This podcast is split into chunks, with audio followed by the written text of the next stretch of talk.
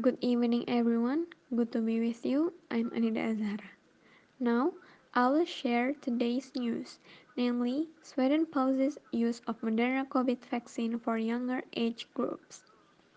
Sweden will pause the use of Moderna's mRNA or COVID-19 vaccine for people born 1991 and later after reports of possibly rare side effects, such as myocarditis, Swedish Health Agency said on Wednesday. The health agency said data pointed to an increase of myocarditis and pericarditis among youth and young adults that had been vaccinated. The health agency said it now recommended the Comirnaty vaccine from Pfizer or BioNTech instead.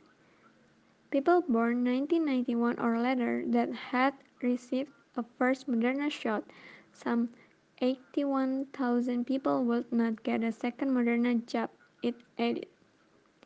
The European Medicine Agency approved the use of Comirnaty in May, while Spikevax was given the nod of children over 12 in July. That's all for today.